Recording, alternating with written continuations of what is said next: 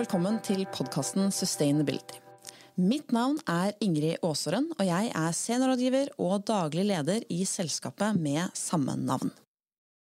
Midt i rekken av forferdelige nyheter fra Ukraina i forrige uke kom det også en svært viktig og historisk plastavtale. Verdens klima- og miljøministre var nemlig samlet i Nairobi, Kenya, for FNs femte miljøforsamling. Forventningene til at verdens land skulle bli enige om en global plastavtale, har vært store, og onsdag ettermiddag kom nyheten. FN skal lage en juridisk bindende avtale for å stanse plastforsøplingen i verden. En av de sentrale aktørene bak dette er WWF. Og med oss i studio har vi vært så heldige å få leder for plastteamet i WWF, Verdens naturfond, og leder for alt policyarbeidet til WWF globalt på plast, Eirik Lindebjerg. Velkommen.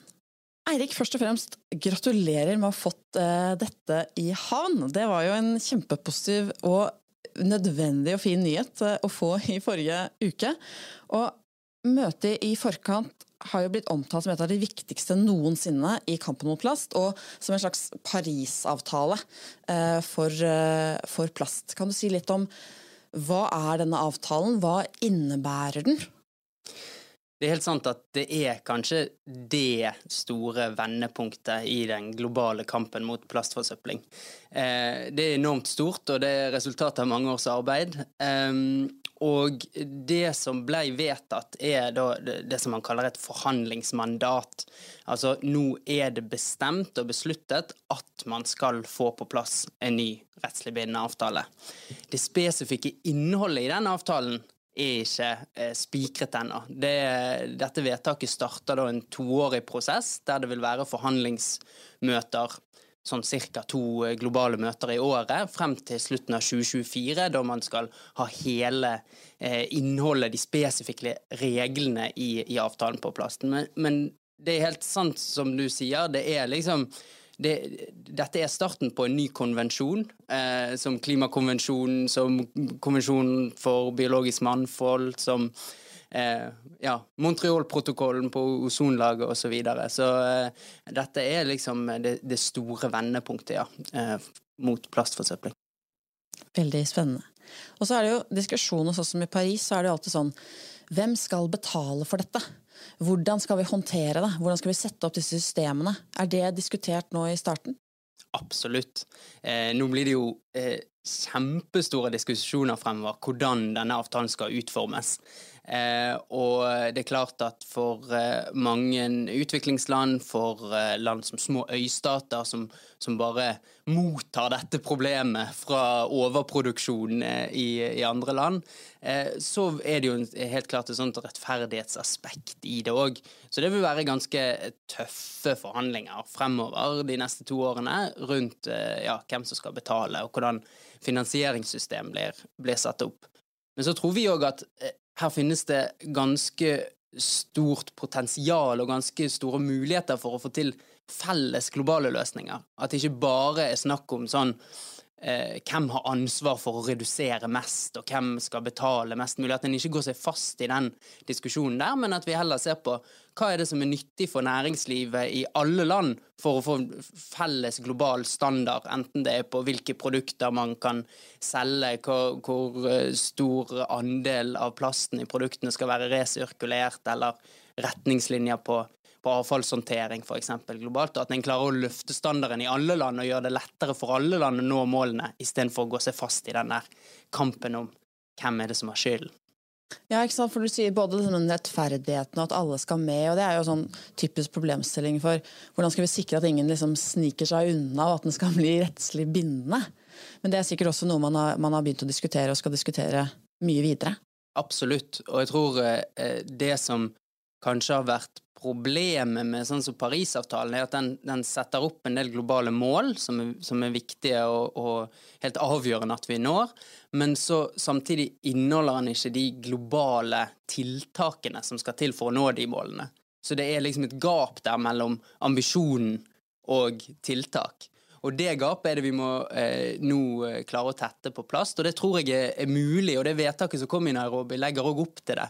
Det snakker om tiltak i hele verdikjeden på plass, fra produksjon til avfallshåndtering.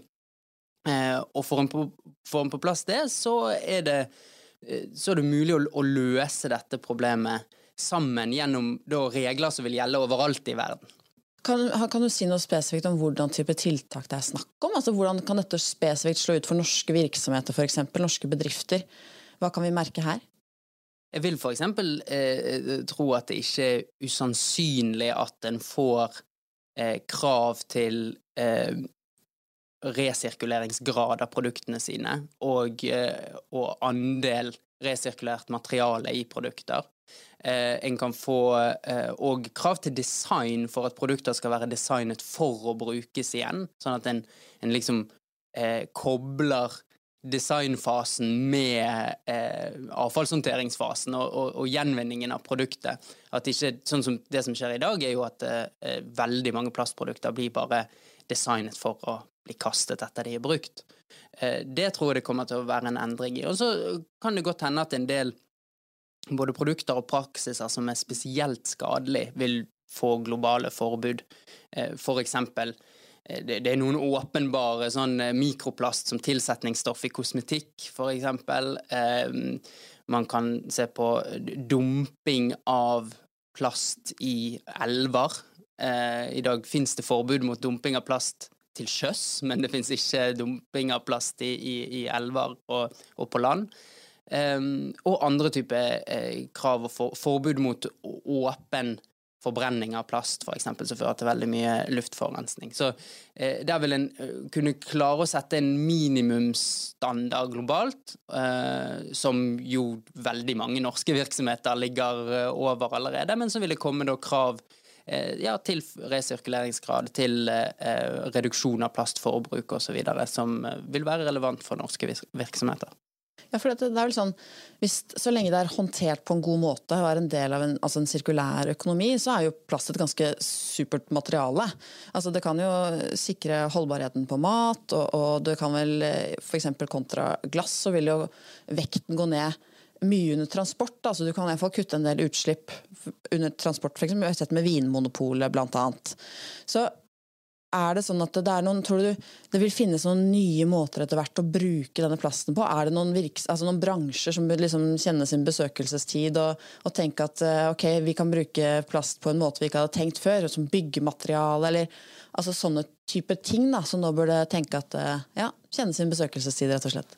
Ja, jeg tror det. For jeg er veldig overbevist om at dette problemet kan løses. Det er ikke sånn at vi trenger å forby plast eh, totalt. Eh, det, vi har eh, hovedsakelig to problem. Det ene problemet er at vi, eh, det er et overforbruk av plast. Vi bruker plast i mange sammenhenger der det egentlig er helt unødvendig. Og så eh, det andre problemet er at vi da eh, den, der vi bruker plast, så designer vi det ikke for gjenvinning. Og vi, vi har ikke et lukket sirkulærsystem på plast ennå. Men så finnes det mange gode eksempler på at det er mulig. Eh, jeg syns at eh, drikkevareemballasjesystemet vårt i Norge er et eksempel på det. Og det er jo ikke sånn at eh, Coca-Cola og Ringnes og Hansa og andre er liksom noe mer idealistiske enn alle andre. Jeg må si unnskyld til de hvis de føler seg som det, men der har vi et helt tydelig krav. Klar avgift hvis man ikke samler inn igjen plastproduktene sine etter de er brukt, så må, må bedriftene betale en veldig høy avgift. Og da har industrien sjøl eh, respondert på de kravene og den avgiften med å sette opp et system som er ekstremt effektivt, og som samler inn igjen eh, godt over 90% av de plastflaskene som blir satt ut på markedet. Og det samtidig da blir eh, industrien opptatt av å designe flasker som har størst mulig verdi når de samler det inn igjen. Så, så derfor lar òg eh, de flaskene seg eh, resirkulere i veldig høy grad, og man bruker ikke annen type lim enn det som eh, ikke skader eh, eh, kvaliteten på plasten. Så den måten å tenke på Jeg sier ikke at vi skal ha et pantesystem på alle produkter, for det ville vært veldig eh, kronglete og blitt store poser med panteprodukter hver gang vi gikk i butikken. Men den måten å tenke på at eh, man har helt tydelige krav i bunn, som industrien da skaper eh, effektive eh, systemer rundt for å samle inn igjen, og, og designer og eh, produktene sånn at de får størst mulig verdi når de er ferdig brukt. Ja, fordi vi er jo, vi liker jo å tenke at vi er verdensledende på pantesystemer, da, som du sa. Det er vel 30 år siden eller noe sånt nå vi begynte å, å pante den første flasken her i Norge, eller drikkevareemballasjen. Så, og så sa dere nå i forbindelse med denne globale avtalen som Norge har tatt en del initiativ til, og, og Espen Barth Eide var jo der nede og var kaller vi det president for, for eh, forhandlingene. Og eh, så har dere sagt at det er litt ironisk at vi ikke har kommet lenger her i Norge. Og Du var litt inne på det nå, men det, kunne du kommet liksom med ett konkret eksempel på én sektor eller én type avgift eh, dere mener at vi burde få på plass her i Norge da, for, å håndtere de problemene vi har her, og sørge for at det blir større grad av resirkulering utover bare drikkevareemballasjen vår? Jeg syns jo det er helt absurd at drikkevareemballasje er i en særstilling. Hvorfor det? En plastflaske er ikke noe mer eh, skadelig i naturen enn et hvert annet eh, plastprodukt. Så selvfølgelig må vi ha like gode systemer på all plast. Eh, og, og, og, sånn som det er i dag, så er det, det, er sånn, det er et helt klart unntak at drikkevareemballasje er så godt eh, forvaltet og, og, håndtert. Så det gjelder jo egentlig eh, all type plastemballasje burde jo eh, hatt like tydelige krav til seg. Eh, der er det et visst produsentansvar i dag, men det er ikke i nærheten av å levere så mye som på drikkevareemballasje. Og så har vi jo mange sektorer som er helt fratatt eh, noe form for ansvar for eh, produktene sine. Eksempel eh, fiskeri og, og, havbruk, der det ikke, ikke finnes noen krav til, eh, til verken merking eller at, eller at Eh, produsentene tar ansvar for de plastproduktene som blir brukt i de industriene. Og det er jo i tillegg eh, næringer som ligger nærmt og i havet, og, og, og som har en stor effekt, eh, negativ, der, der, plastproduktene har en stor negativ effekt på, på livet i havet. Så eh, jeg tror det at vi må, vi må liksom eh, klappe oss sjøl litt på skulderen for det fantastiske systemet på drikkevareemballasje, og så må vi gå i gang så fort som mulig eh, med å innlemme alle andre næringer i, i samme i tilsvarende system. Da. Og eh, så ser vi jo nå at det kommer jo mer og mer regelverk fra EU på klima og miljø. Og vi ser jo nå også denne, dette forbudet mot engangsemballasje, f.eks., som, som kom inn i fjor sommer, eh, og som har gjort at flere aktører nå har byttet over til engangsartikler laget av, av tre, tre, eller papir, f.eks., for, eksempel, for ikke å bryte regelverket. Er det noen sånn flere regelverk av den typen vi ser kommer fra EU nå de neste altså kommende året, eller kommende årene, som, som virksomheter her også må være klar over å forberede seg på? da? Ja, det, er det, og det tror vi kommer til å se mye av fremover. Eh, blant annet så vil jo helt konkret de kategoriene eh, med produkter som forbys osv. bli gradvis eh, utvidet. Og det vil komme krav til, til resirkuleringsgrad og produsentansvar på flere og flere sektorer osv. fra EU. Og så tror jeg at norske virksomheter bør se på det som en mulighet. Eh, for hvis en klarer å ligge i front og foran det regelverket, og det er egentlig ikke så veldig vanskelig, for det tar tid å utvikle regelverk, spesielt i store maskinerier som i EU, og ikke minst globalt, eh, så vil en kunne skape en enorm konkurransefordel. Eh, vi så det òg rundt forhandlingene om internasjonale avtaler, at det var ganske mange næringslivsaktører som eh, jobbet for en sterkest mulig avtale. For eksempel Unilever og Nestlé var, var på plass i forhandlingslokalet og, og pushet forhandlerne for sterkere krav på sine egne produkter. Og grunnen til at de gjør det, er jo fordi de vet at eh, hvis det blir satt eh, samme type krav for alle, så er de i en god posisjon til å levere, for de har allerede kommet med uttalelser og forpliktet seg sjøl til, til, 100% resirkulering, f.eks. Eh, så jeg tror jeg vil liksom snu på det og, og, ikke tenke at norske bedrifter bør liksom være redd og bekymre seg for skumle direktiver som kommer fra EU, men heller gå i front, utvikle produkter og systemer som eh, lar seg gjenvinne, som ikke skaper plastforsøpling. Og så kan en heller reise til Brussel og lobbe EU for å sørge for at det kommer enda sterkere krav. Veldig eh, inspirerende og gøy, og en sånn positiv vinkling på det. Det er veldig fint. Dere i WWF har jobba systematisk med å få på plass dette plastvedtaket siden 2017. Hva Har du mulighet til å si litt om hvordan, hvordan eh, startet arbeidet? Hvordan kom dere på at det var dette dere skulle jobbe for, og hvordan jobber dere når dere har et sånt langsiktig mål? Og, og litt mer, Du har jo nevnt en del på hva dere mener er viktig nå framover her i Norge, men om du kunne sagt litt om hvordan dere da jobber for å få dette på plass? Det startet jo eh, eh veldig i det små, med litt samtaler eh, både med enkelte folkerettseksperter og eh, myndigheter og organisasjoner. Og det var jo i starten bare en liten idé som var delt med et eh, lite knippe mennesker. og eh, ja, som vi satt og pratet om over en kaffe her i, her i Oslo. Eh, men så var vi veldig overbevist om at dette var det rette tiltaket. Eh, vi inngikk ikke kompromisser, selv om vi i starten fikk høre at dette var usannsynlig, altfor ambisiøst, umulig å få til. Det er vel liksom ikke Vi har kommet Det er ikke tradisjon for den type rettslig bindende avtaler lenger. Det er mer og mer frivillige rammeverk. Det, liksom, vi fikk høre masse sånn, og det kommer til å ta lang tid, osv. Men vi var helt overbevist om at det er dette som skal til, så da er det ingen grunn til at vi skal vike og begynne å inngå kompromiss bare fordi at noen sier det er umulig. Og øh, så rundt den ideen da, så bygget vi gradvis opp både vårt eget arbeid, og så var vi veldig aktive med å finne partnere både innenfor miljøbevegelsen eh, nasjonalt og ikke minst globalt. Eh, og gradvis bygget ut i mange regioner, eh, fikk partnere overalt i, i verden, fikk næringslivspartnere med oss som, som, så verdien i dette.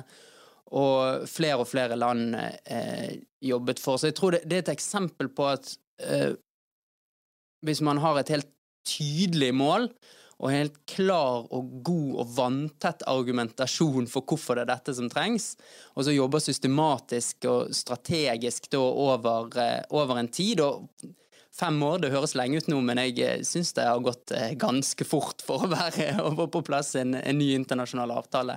Så det viser liksom at det er mulig, og det er liksom veldig inspirerende for arbeid videre. At, at liksom en, en, liten gjeng med miljøaktivister, eh, bare utstyrt med en god idé, eh, kan, eh, kan, forandre verden når man eh, jobber systematisk og strategisk. Det er veldig gøy, og jeg så det var eh, så mange som gledet seg med dere på sosiale medier i forrige uke, så det var veldig, veldig gøy og oppmuntrende oppi, oppi det alt vi står i. Men eh, vi nærmer oss uh, slutten her i dag, uh, og du har allerede nevnt uh, mange gode tips. Og vi jobber jo nå veldig mye med ulike virksomheter som setter sine bærekraftstrategier fremover. Og vi var inne på de kanskje litt sånn åpenbare sektorene, men det er jo mange som ikke tenker på det som så, så åpenbart. Men hvis du skulle hatt noen tips da, til norske virksomheter som har lyst til å gjøre en forskjell, hvordan kan, eh, hvordan kan, det gjøre størst mulig forskjell for å, for å begrense og, stoppe plastforsøplingen? Jeg tror det er viktig at man jobber med dette systematisk. At man ikke bare gjør et og annet symbolsk tiltak og så eh, klapper seg på skulderen og, og, og, er fornøyd med det, men at man går gjennom hele virksomheten og ser hvor er det vi kan bidra til utslipp av plastforsøpling eller CO2-utslipp eller ødeleggelse av natur. Um, og så eh, tar man målrettede tiltak der. At det er liksom kunnskapsbasert, og at det er systematisk gjennomgående i virksomheten. Ikke bare noe man gjør på siden av alt annet. Og så tror jeg det er viktig at det, eh, det neste steget etter man har liksom taklet sine egne utslippskilder, vil jo være å da se hvordan kan våre produkter bidra eh, Hvordan kan vi eh, ha en businessmodell som, er, som bidrar faktisk til en sirkulær økonomi, eller hvordan kan vi eh, påvirke vår verdikjede, våre leverandører og våre kunder til et bærekraftig system. Og så syns jeg jo òg at når man, når man, klarer å finne løsningen på det, så skal man òg være tøff nok til å gå ut og be politikerne om å stille sterke krav til den eh, næringen man opererer i. Sånn at man ikke bare ender opp med å endre sin egen virksomhet, men en hel sektor. Veldig gode tips, eh, inspirerende. Eh, det håper vi at mange selskaper kan, kan ta med seg videre i det arbeidet de skal inn i. Da tror jeg tiden er inne for å si tusen takk til deg, Eirik, som eh, stilte opp eh, på podkasten vår her i dag for å fortelle om denne viktige avtalen, som eh, nå forhåpentligvis enda flere har litt mer kunnskap om hva innebærer, og hva som er veien videre for. Vi ser iallfall frem til å følge med videre på dette viktige arbeidet. Så takk til Eirik for å delta her i dag. Mitt navn er Ingrid Aasåren, og produsent er Jonas Bjørnes. Takk for oss.